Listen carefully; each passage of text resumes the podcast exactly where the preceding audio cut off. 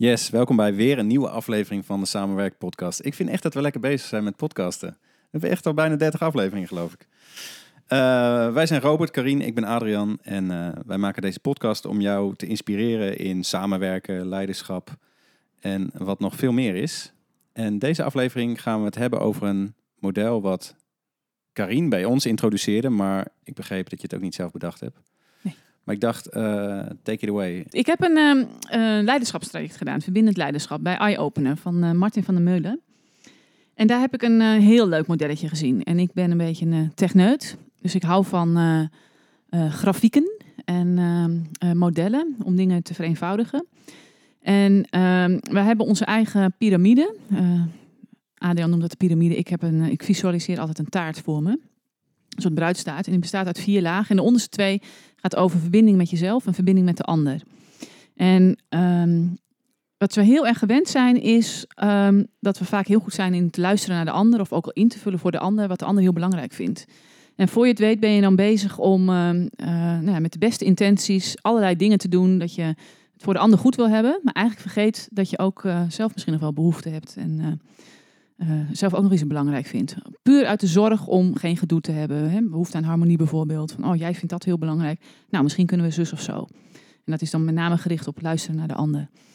En wat mij heel erg heeft geholpen is de X- en de Y-as uh, modelletje. En uh, dat gaat over, op de X-as staat het woordje ik, met dan tussen haakjes de S. En op de Y-as staat de J voor de I. Dus dan heb je de jij-as. En de jij-as gaat over um, luisteren naar de ander. Dus luisteren naar jou, naar jij. En dat betekent, dat is dus eigenlijk waar je zo goed in bent, als je heel erg naar de ander gaat luisteren. Um, en als je heel erg hoog boven in die as gaat zitten, dus je visualiseert een, een stip helemaal bovenin, uh, linksbovenin in de ijas, je hebt 0% naar jezelf geluisterd, uh, je, schiet niet op, je gaat niet naar rechts de x-as op, maar alleen maar omhoog. Dan kan je daar een stipje tekenen. En als je daar heel erg goed in bent, en luistert naar de ander, dan hoort daar een woord bij. En dat is het woord deurmat. Als je vooral luistert naar de anderen, niet naar jezelf, dan kun je zomaar als deurmat gaan fungeren. Dat mensen over je heen lopen en dat je nou ja, helemaal niet meer weet wat je eigenlijk zelf wil. En ik denk dat iedereen dat gevoel wel, uh, wel herkent.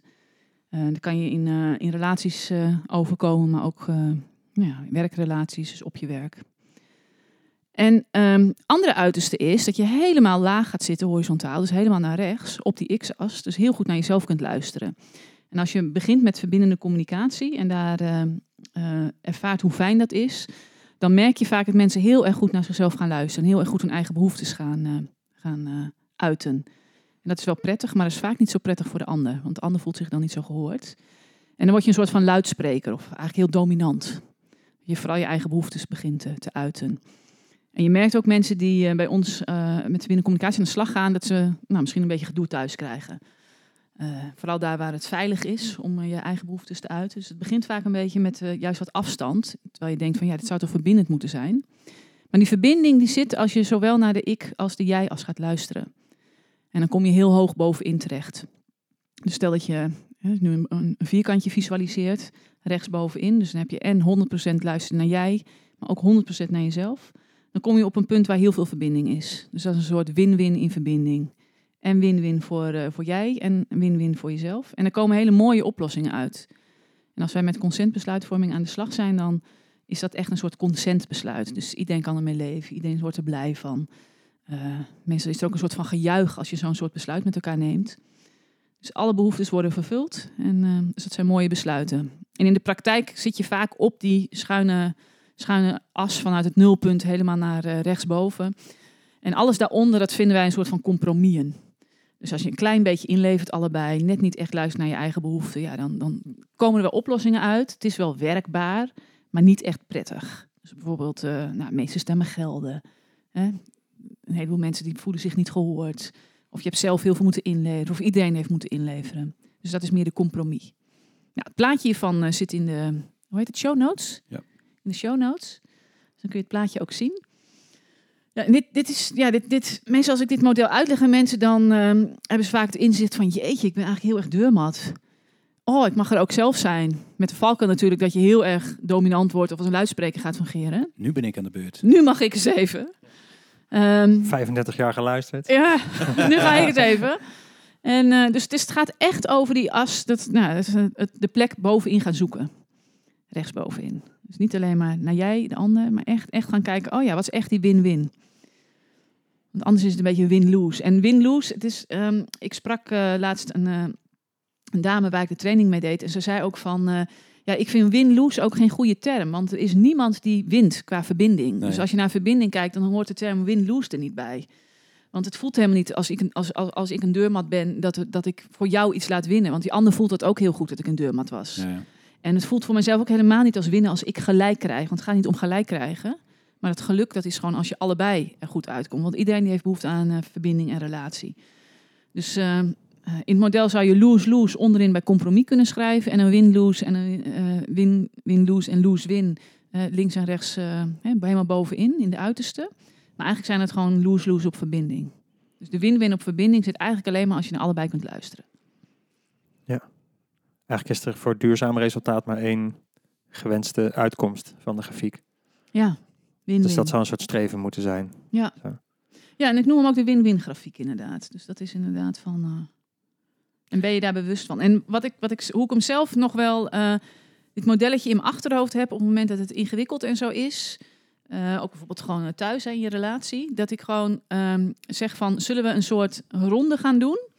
Dat we eerst even luisteren naar jouw behoeften en daarna naar die van mij. Dus dat je hem heel bewust inzet. Mhm. Dat je dus Hmm. niet alleen maar eh, leeg mag lopen. Maar het is heel ingewikkeld om namelijk naar allebei de behoeftes tegelijkertijd te luisteren. Ja. Ja. Dus het eerste kleine stapje om met zo'n grafiek aan de slag te Ja, gaan. vooral als het spannend is.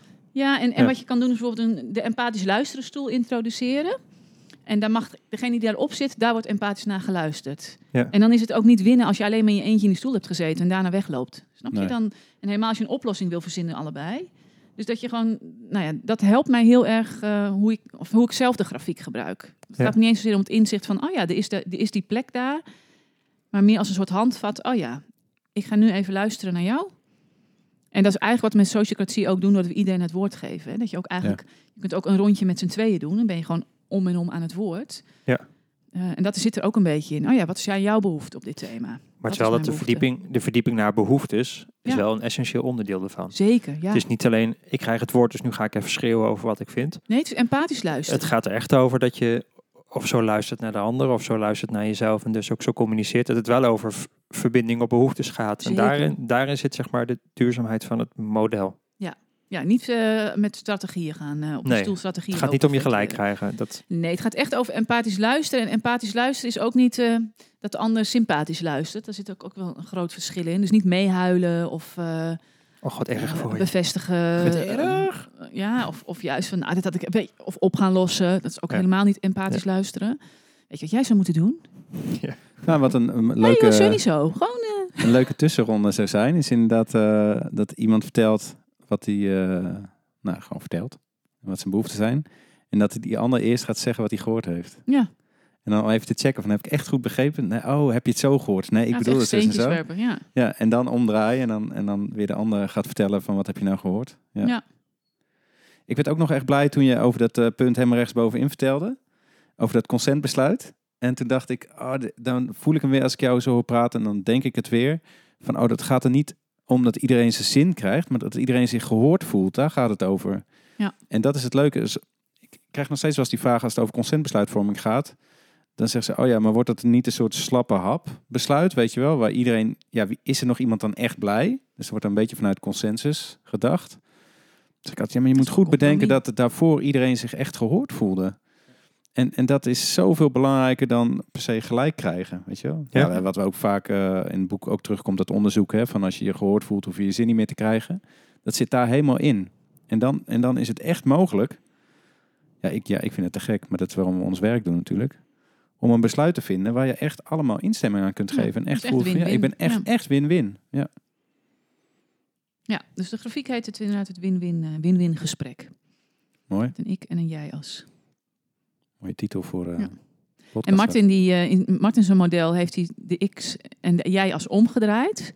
Maar dat kan mijn eh, technische hoofd niet, niet aan. Dus het plaatje wat hierbij zit. Want dan staat deurmat dus onderin. Dat is logisch, een logische plek voor de deurmat. maar bij mij is de ik echt X-as. En de jij x-as moest echt horizontaal. Ja. Ja, anders, dan, dan ging het in mijn hoofd. mijn hoofd, hoofd. ik kon het wel voelen dat hij andersom ook klopte. Maar En het is wel interessant om te onderzoeken, denk ik. Ook als je dit luistert, om te kijken van waar zit je zelf vaak op die grafiek. En wat ik het heel leuk vind van die grafiek, dat die heel inzichtelijk maakt. Dat alles, alles beneden win-win, zeg maar.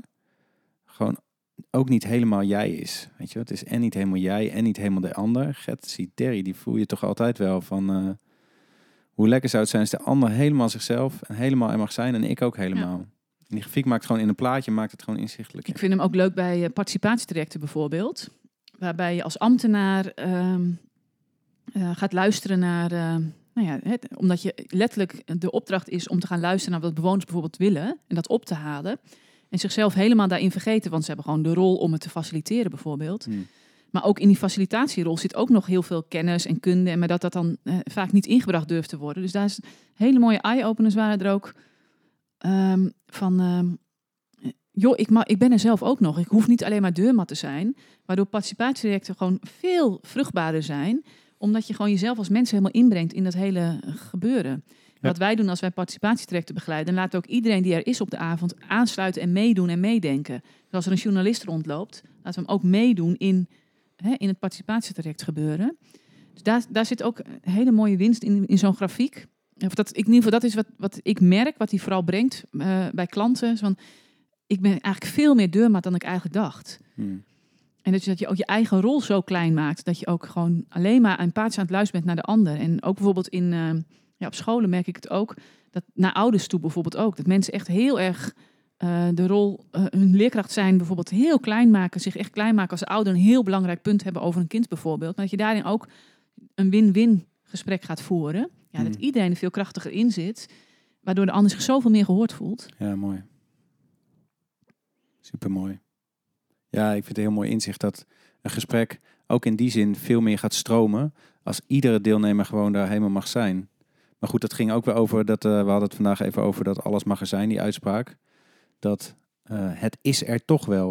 Dus Ja. dan kun je maar beter ook als gesprekspartner of als eh, facilitator of weet ik veel wat ook gewoon mee inbrengen. Wat je zelf op dat moment irriteert of heel enthousiast maakt of weet ik wat. Want het is er toch wel. Dus geef het dan maar woorden. Laat het maar zijn. Laat het maar verbonden worden met je behoeften. En dan, eh, ja, dat is misschien wel waar we voor op deze aardkloot zijn. Hè? Om gewoon verbonden te zijn met zichzelf en elkaar. Ja. Super. Wil jij nog wat zeggen, Robert? Nou ja, wat ik net wel even aan moest, denken, je zei het over, over leer, leerkrachten. Dat het beroepen zijn die, waar een soort paradigma omheen hangt. eh, van dat het alleen maar goed is als je jezelf dus als deurmat opstelt. Hè. Dus Oh, ja. leerkrachten Ja, kunnen dat sterk hebben. Ja. In de zorg, eh, ik zie het eh, bij ambten- ambtenaren, ook, ook erg. veel. Dat ze zeggen, ja, ik, ben, ik moet dienstbaar zijn. Mhm. En dan vertalen ze dienstbaar als, als, de, als deurmat. Dus ik, ik mag geen mening hebben, ik moet heel faciliterend zijn. Maar eh, als je dat bekijkt vanuit deze gra- grafiek, dan, dan dien je er niemand mee. Dus het is helemaal niet dienstbaar. Nee. En, eh, en je wordt er zelf heel onge- ongelukkig van dat dat, dat ook nog is. Ehm, dus in die zin is het, kan het ook heel erg, eh, als je luistert en je hebt zo'n beroep, dat het ook interessant is om te kijken van hoe, hoe, hoe kijk ik eigenlijk naar mijn rol in dit beroep en hoe vul ik eventueel dienstbaar of faciliterend in? En geef ik mezelf ook wel een plek? Zo, en, en eigenlijk meer als uitnodiging, omdat als je dat wel zou doen, hoeveel rijker je, je, je, je dienstbaarheid kan gaan worden. Ik had, ik had ook een mooi voorbeeld van een, eh, een leerkracht in een klas. Dat ze gewoon echt gewoon zo wilde luisteren naar de behoeften van een klas... terwijl er een ruzie of zo was op het schoolplein en, en dat moest opgelost. En dat ze helemaal niet in de opkwam om te delen met de klas wat het met haarzelf deed. Hmm. Terwijl het zoveel krachtiger is. Dus het, het, die- alleen maar luisteren naar de anderen en die kinderen... en terwijl het haar zelf heel erg raakte... Eh, ja, dat was, was als zo'n mooi inzicht voor haar van... jeetje, ik was gewoon daar een deurmat blijkbaar... Eh, omdat ik zo naar die kinderen aan het luisteren was. En ik dacht daarmee heel ja, dienstbaar te, waren, te zijn aan. Maar het raakte me zo op dat en dat en dat punt. Ik zeg, nou, en als ik nu terugkrijg, had ik het eigenlijk, als ik dat had geuit naar ze. Ja, dan was er een hele andere oplossing waarschijnlijk uitgekomen. Want de kinderen hadden niks aan mij op dat moment dat ik dat eigenlijk voor mezelf hield. Het Ja. is toch onderdeel van de, van de onderstroom, ook Ja. in, die, in die situ- situatie. Dus het is ook onderdeel van een oplossing als je hem wel in gaat brengen. Ja, en het ging vooral over onveiligheid in de klas. Nou, die leerkracht had er gewoon last van zelf. Eh het werd voor haar ook niet veiliger erop. Maar ja, dan moet je daarboven staan. Of, of Ja, want je hebt het over die paradigma's, maar er is natuurlijk ook nog zo'n soort verhaal dat als ik aan bod kom, dat het ten koste gaat van jij. En als jij aan bod komt, gaat het ten koste van mij, zeg maar. Dus dat Ja. hele, hele aan- idee- a- aannames. ja, dat hele idee dat het echt en-en kan. Ik heb nog steeds het idee dat, eh, voor ons is dat vanzelfsprekend. Maar ik moet het nog steeds wel eens uitleggen. Zeg maar dat mensen, ja, nee, maar als jij nu aan het woord bent, dan gaat het dus ten koste van mijn ruimte. Nee. Dus ook voor zo'n juf, hè, dat ze echt dat ze gaat zien en geloven van, oh, als ik mijn mond open doe, gaat dat niet ten koste van die kinderen of zo, maar dan draagt het juist bij, ja. Hangt Ja. natuurlijk wel vanaf vanuit welk paradigma je in de situatie staat. Ja. Als je vanuit het, in mijn woorden, het oude verhaal in de situatie staat en het eh, van winnen en verliezen, en dat is ook Ja. echt, je, echt je houding, dan, dan, dan is het ook zo dat de tijd en de ruimte Ja. van de ander ten koste van, je, van jezelf gaat. Ja. Maar ik ben er echt zo heilig van overtuigd dat er nooit iets duurzaams, moois of succesvols uit voortkomt. Het was dezelfde opleiding waar je natuurlijk dat zet het woordje zelf tevoren Ja. leren. Zo van als je het belangrijk vindt om te luisteren naar de ander. Ja, zelf luisteren kun je dat noemen, maar ja. Ja, nou ja, überhaupt dat er gewoon... eh, ik heb dagelijks allerlei oordelen en dingen in mijn gedachten. En dan elke keer weer denk ik van, oh ja, als ik hier even bedenk wat ik dus voor gedachten en oordelen over anderen heb, als ik dat even naar mezelf spiegel. Maar goed, dat is weer een... Ja. Dat was Nee. al een podcast, of dat wordt nog Volgende, een op- nieuwe? Ja. volgende aflevering. Volgende. Maar eh, je hebt er veel geleerd en tof Veel om het door te geven. Ja. Leuk. Oké, mooi. Eh, deel het met wie eh, jij denkt dat hij er baat bij zou kunnen hebben. En eh, link naar het plaatje zit in de show notes. Kun je ook gewoon lekker gebruiken. En we hopen dat je weer eh, geïnspireerd bent. Tot de volgende keer. Doei!